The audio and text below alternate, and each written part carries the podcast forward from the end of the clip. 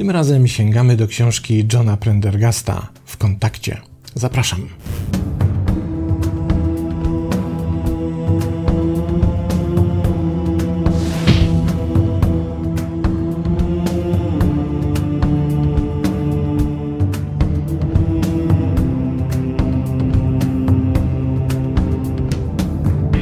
Jednak zanim przejdziemy do samej książki jej autora, najpierw zajmiemy się pewnym mailem, którego dostałem tuż po świętach od pana Adama. Pan Adam pisze, co następuje. Z okazji tego, że jestem nauczycielem, mam teraz kilka dni wolnego od pracy, postanowiłem więc przyjrzeć się pańskiej liście niewidzialnych książek z cyklu pod tym samym tytułem na YouTubie. Efektem mojej badawczej pracy jest to, że jedna na 10 książek ze 120 opowiedzianych przez pana jednak ujrzała polski rynek wydawniczy. Poniżej zamieszczam spis owych pozycji. Czasem trudno jej odnaleźć pod ich prawdziwymi tytułami, jednak to chyba polska specyfika translatorska, tak jak tłumaczenia Dirty Dancing jako wirujący seks, czy Die Hard jako szklana pułapka, jest tego wielokrotnie więcej. Czy leci z nami pilot i tak dalej, i tak dalej. Panie Adamie, bardzo dziękuję. Tutaj obok siebie teraz zamieszczam listę przygotowaną przez pana Adama, na której zestawił on ze sobą 13 książek, publikując również i podając daty ich premier. Ja tę listę przejrzałem i z zadziwieniem konstatuję, że tylko jedna z tych książek to książka która była już wydana w momencie, w którym o niej opowiadałem i robiłem odcinek. Po prostu jej nie znalazłem. Myślałem po prostu, że tego będzie więcej. Nie udało mi się tego namierzyć lub mi to umknęło, co może tłumaczyć fakt, że książka, o której mowa, angielski tytuł wydawał się do przetłumaczenia jako podręcznik obsługi bycia człowiekiem, czy też instrukcja obsługi, czy też bycie człowiekiem poradnik, podręcznik użytkownika, a w polskim wydaniu książka nagle, nie wiadomo czemu, ma tytuł Czułość. I być może to ten fakt sprawił, że ta książka mi umknęła. Wszystkie pozostałe 12 książek to książki, których premiery miały miejsce już po emisji odcinków. No i mamy jedna dziesiąta, drodzy Państwo, z omawianych przeze mnie książek szczęśliwie ujrzała polski rynek wydawniczy. I to jest z jednej strony dobra, a z drugiej strony zła wiadomość. Dobra dlatego, że super, że wiele polskich wydawnictw zdecydowało się na publikację tych książek, a zła wiadomość jest taka, że szkoda, że tylko tyle.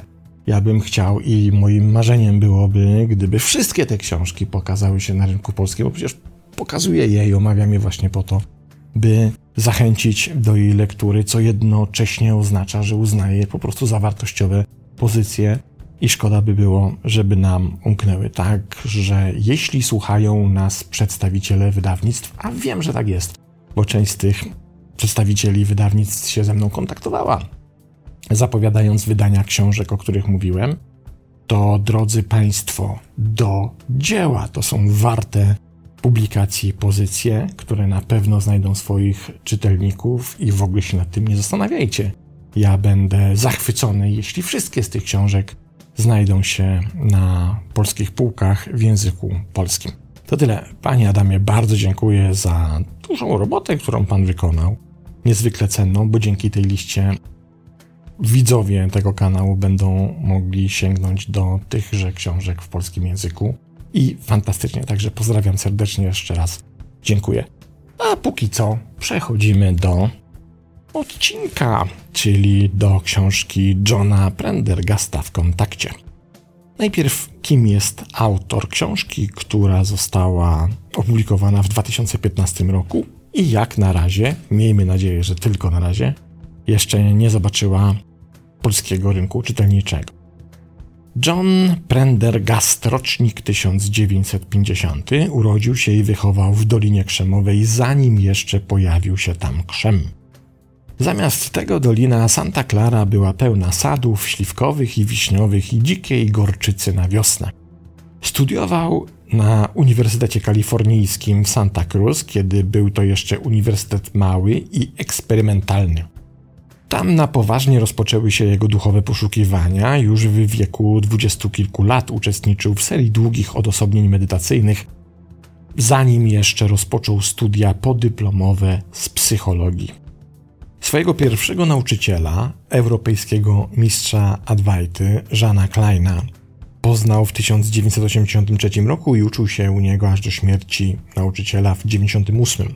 Naukę u drugiego nauczyciela, Adwa Shantiego, rozpoczął w 2001 roku. Przez 23 lata był profesorem psychologii w Kalifornijskim Instytucie Studiów Integralnych w San Francisco. Od 1985 roku prowadzi prywatną praktykę psychoterapeutyczną, jest założycielem i redaktorem naczelnym magazynu Niepodzielny internetowy dziennik niedualności i psychologii. I przyjrzyjmy się pierwszemu fragmentowi. Nasza wewnętrzna wiedza może być ulotna lub skryta w ciszy i jest bardziej doznaniem niż myślą. Czujemy to gdzieś głęboko w sobie, często w okolicy serca lub brzucha. Często jest to nieproszone i nieoczekiwane. Może to być głęboko uspokajające i kojące, a czasami może być bardzo niepożądane, kołysząc łodzią, tworząc fale i wywracając nasze życie do góry nogami. Czasami możemy nie chcieć widzieć tego, co wiemy. Prawda może być niewygodna. Może zakończyć małżeństwa, przyjaźnie i kariery oraz rozbić rodziny, społeczności duchowe i rządy.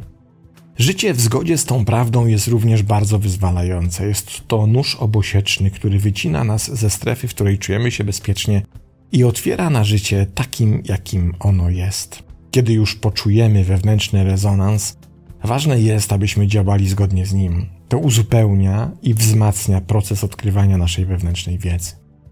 Jeśli nie będziemy działać zgodnie z naszą wewnętrzną wiedzą, zejdzie ona na dalszy plan. Działanie wzmacnia naszą wiedzę i buduje naszą pewność siebie. Daje nam to również bardzo cenną informację zwrotną. Jeśli wydaje się, że nasza wewnętrzna wiedza powoduje długotrwałe cierpienie i niezgodę dla nas i innych, jest bardzo prawdopodobne, że przegapiliśmy jej sygnał za pierwszym razem. Musimy przetestować naszą wewnętrzną wiedzę, aby być pewnymi jej dokładności. To wymaga szczerości i wrażliwości. Pierwszym krokiem jest intelektualna otwartość na możliwość, że istnieją inne sposoby poznania niż racjonalny umysł. Jeśli mamy silne przekonanie, że wewnętrzne poznanie jest fantazją i że tylko myślenie analityczne jest godne zaufania, nie będziemy otwarci na słuchanie naszego ciała w nowy sposób. W najlepszym przypadku będzie to postrzegane jako strata czasu, w najgorszym jako samo oszukiwanie siebie. O czym jest książka kolegi psychologa z Doliny Krzemowej? Otóż przekonuje nas autor do tego, że dysponujemy czymś, co można nazwać, to moje określenie, takim wewnętrznym repozytorium niezwykle dla nas ważnej, użytecznej i przydatnej wiedzy. Problem polega na tym, że my bardzo rzadko do tego repozytorium sięgamy, bo albo nie wierzymy w to, że może być właściwe, w to, że tą drogą możemy uzyskać coś pożytecznego i w jakiś sposób dla nas istotnego czy też ważnego, albo też po prostu żyjemy w społeczeństwie czy też w okolicznościach, które odzwyczaiło nas od tego, by do tej wiedzy sięgać. Mówiąc inaczej, kiedy jeszcze biegaliśmy z kijami za mamutami, czy też z łukami i przeróżnymi innymi rzeczami po pastwiskach, zielonych krainach, w społecznościach plemiennych, to dysponowaliśmy rodzajem połączenia z tym naszym wewnętrznym repozytorium. Ono nas bardzo często informowało o najprzeróżniejszych kwestiach i po prostu go słuchaliśmy z korzyścią dla nas. W momencie, w którym się pojawiła cywilizacja rozwinięta, progres cywilizacyjny, nowoczesność, przemysł, komputeryzacja i wiele, wiele innych rzeczy, wraz z pojawianiem się tego rozwoju, my zaczęliśmy przegapiać dostęp do tego naszego repozytorium robiąc sobie przy tym sporą krzywdę.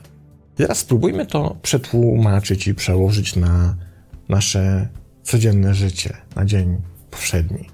Ile razy mamy tak, że gdzieś wewnątrz czujemy, że coś jest nie tak. Czujemy, że kontakt z tą osobą nam nie służy. Albo czujemy, że kiedy zaangażujemy się w jakieś przedsięwzięcie, w jakiś projekt, nieważne czy to jest biznes, czy to jest pomysł, czy to jest jakiekolwiek działanie, czy też aktywność, to nie jest to do końca dobry wybór.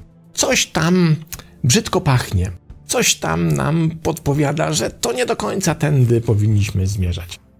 Ale ponieważ jesteśmy trochę na to głusi, albo też tłumaczymy sobie, e, to tam takie durnowate przeczucia na poziomie gusła, nie wierzymy w to, nie dajemy temu wiary, nie ufamy tym podpowiedziom płynącym z tego wewnętrznego repozytorium, by w końcu i tak się przekonać, że tak naprawdę ono miało rację. Tam powinniśmy tego posłuchać zawczasu, by ustrzec się bardzo wielu różnych kłopotów.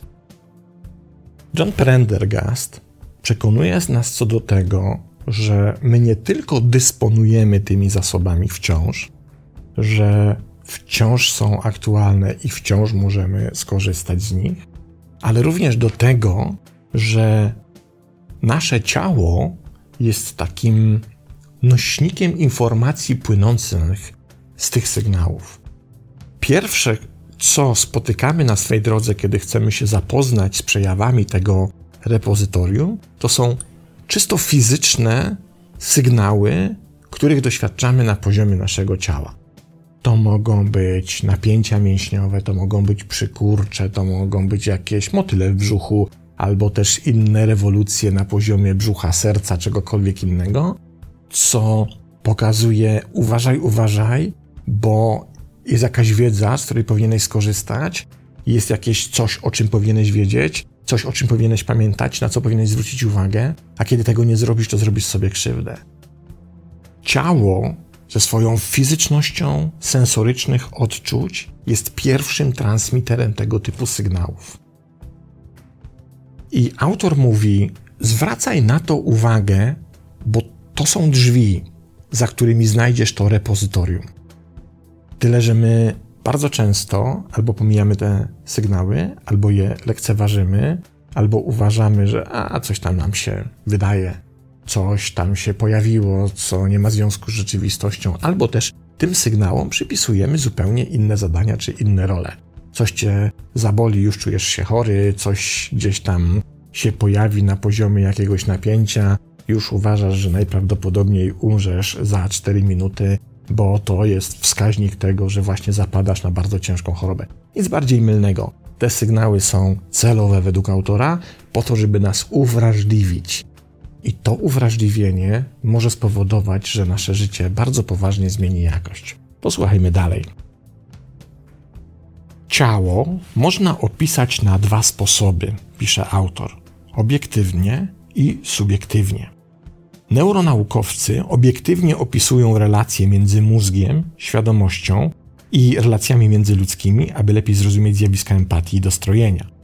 Subiektywnie możemy doświadczać naszego ciała jako wibrującego pola wrażliwości, zdolnego do dostrojenia się do naszego wewnętrznego doświadczenia lub do innych. Te dwie perspektywy wzajemnie się uzupełniają. Nasze przekonania silnie filtrują nasze bezpośrednie doświadczenie. Jako odkrywcy ważne jest, abyśmy korzystali z najlepszych dostępnych map.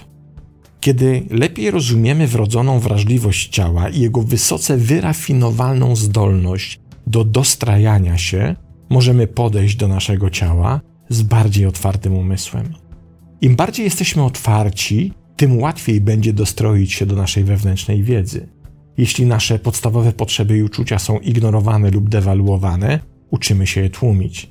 Pozostawanie otwartym jest po prostu zbyt bolesne i niepokojące. Jednym z rezultatów jest to, że przestajemy odczuwać wnętrza naszych ciał.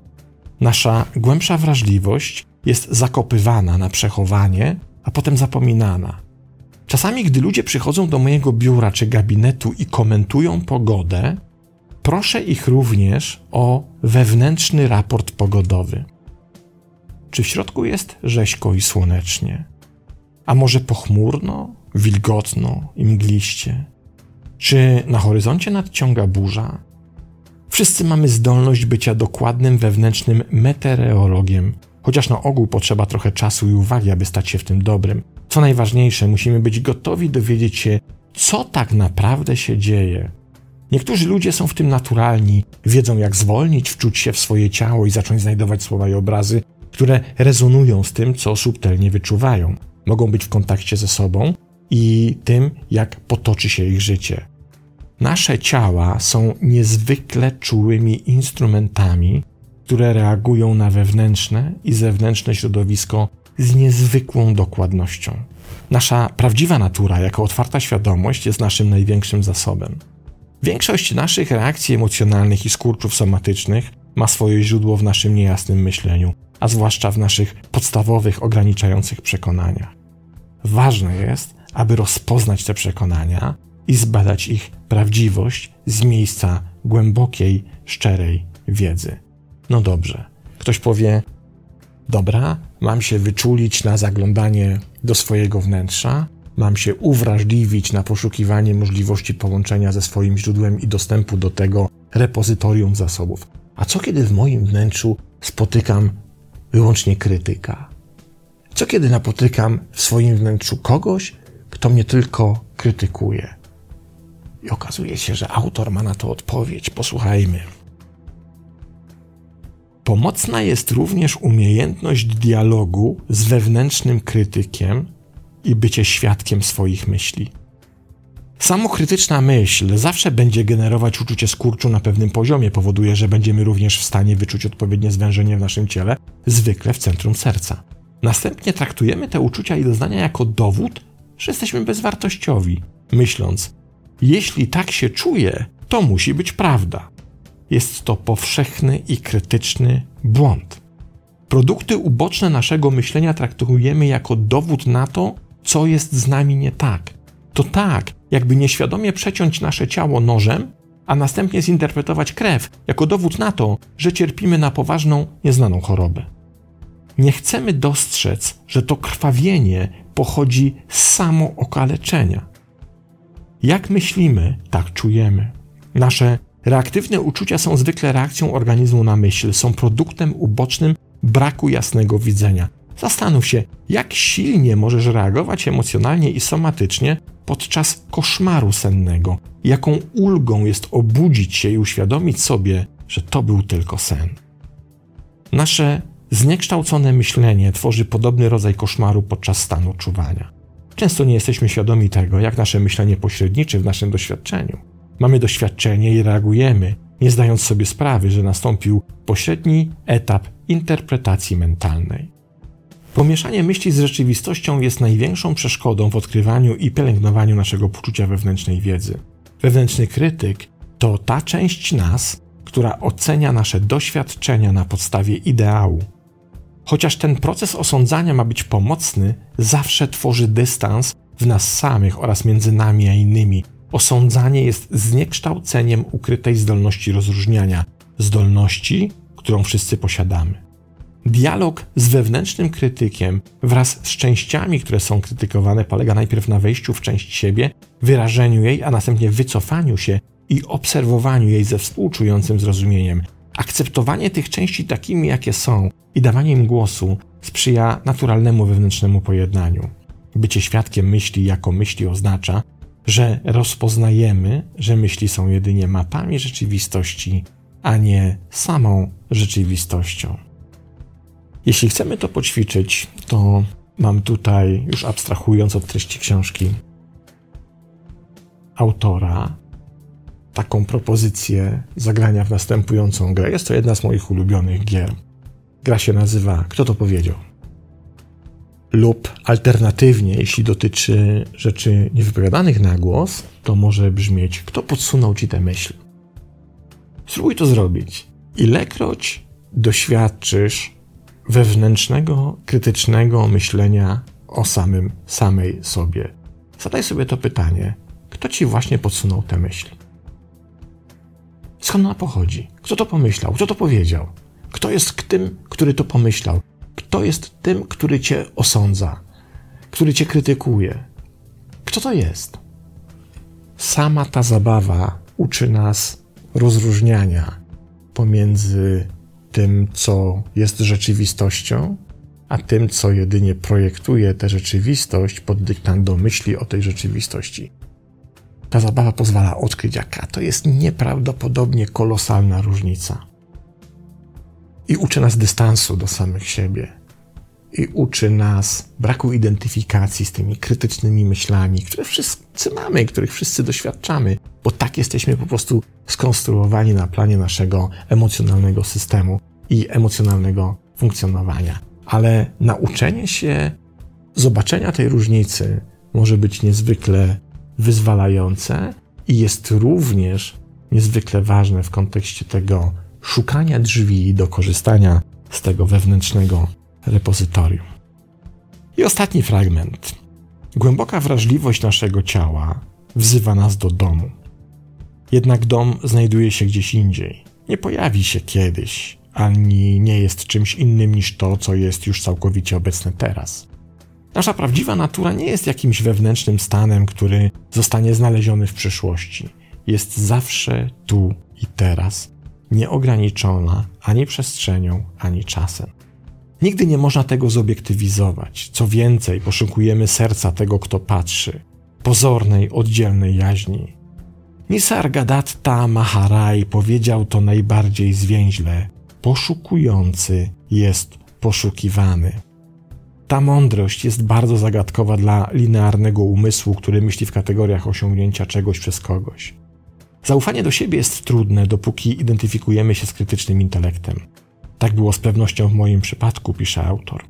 Walczyłem ze zwątpieniem, nawet po wielu latach medytacji i nauk mądrości za sobą. Zaufanie do naszego wewnętrznego autorytetu przynosi duchową autonomię, zdolność do prawdziwego samozarządzania, do wejścia w prawdziwą dorosłość. Jesteśmy chętni i zdolni do samodzielnego działania, jednak ta wewnętrzna wolność i niezależność nie jest egocentryczna ani oderwana od innych. Gdy bardziej ufamy naszemu wewnętrznemu autorytetowi, jesteśmy mniej defensywni i bardziej chętni do poznawania i kochania życia takim, jakie jest. Nasza autonomia nie opiera się na jakiejś ideologii, ani nie musi mieć racji. Nie zajmuje sztywnego stanowiska. Prawdziwa autonomia dostosowuje się do ujawnienia nowych faktów i spostrzeżeń. Nasze ciało jest godnym zaufania kanałem wewnętrznej wiedzy, o wiele większym niż uwarunkowany umysł, który tak łatwo daje się uwieść ideom. Jest bliżej ziemi, z której wyrasta i pulsu życia. Ma niezwykłą zdolność odczuwania, wyczuwania rzeczy całym ciałem, którego daleki zasięg obejmuje naszą wewnętrzną prawdę. Gdy nasze ciało jest uwalniane od uwarunkowanych myśli i reaktywnych uczuć, staje się coraz bardziej dostrojonym instrumentem do kontaktu z rzeczywistością. Przebudzenie nie kończy się wraz z odkryciem naszej prawdziwej natury jako otwartej świadomości. To dopiero początek kolejnego procesu. Życie zaprasza nas również do odkrywania prawdziwej natury naszego ciała, a co za tym idzie świata.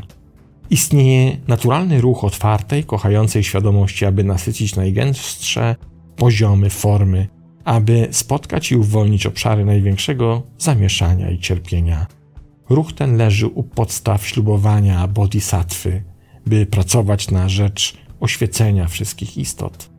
Występuje również w chrześcijańskich naukach o mocy odkupieńczej miłości i żydowskich naukach tikkun olam, naprawa świata. Świadomość pełna miłości wyzwoli wszystko, czego dotknie, jeśli tylko będziemy na tyle uczciwi i wrażliwi, by na to pozwolić. John Prendergast w kontakcie 2015 rok. Nic dodać, nic ująć. Pozdrawiam i do następnego razu.